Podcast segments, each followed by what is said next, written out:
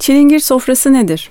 Rakıya eşlik etmesi için kurulan çeşitli meze ve yemeklerden oluşur. Meze Farsça'da tat veya çeşni anlamına gelir. Tanımı gereği de tadımlıktır diyebiliriz. Bu nedenle geleneksel rakı kültüründe yemek gibi büyük tabaklarda servis edilmez. Yaygın olan bir inanışa göre çilingir sofrası kavramı çeşnigir sofrası tabirinden gelmektedir. Çilingir sofrası çok zengin meze çeşitlerinden oluşabileceği gibi çok az sayıda mezeden de oluşabilir. Özelliği paylaşımlık ve küçük tabaklardan oluşmasıdır.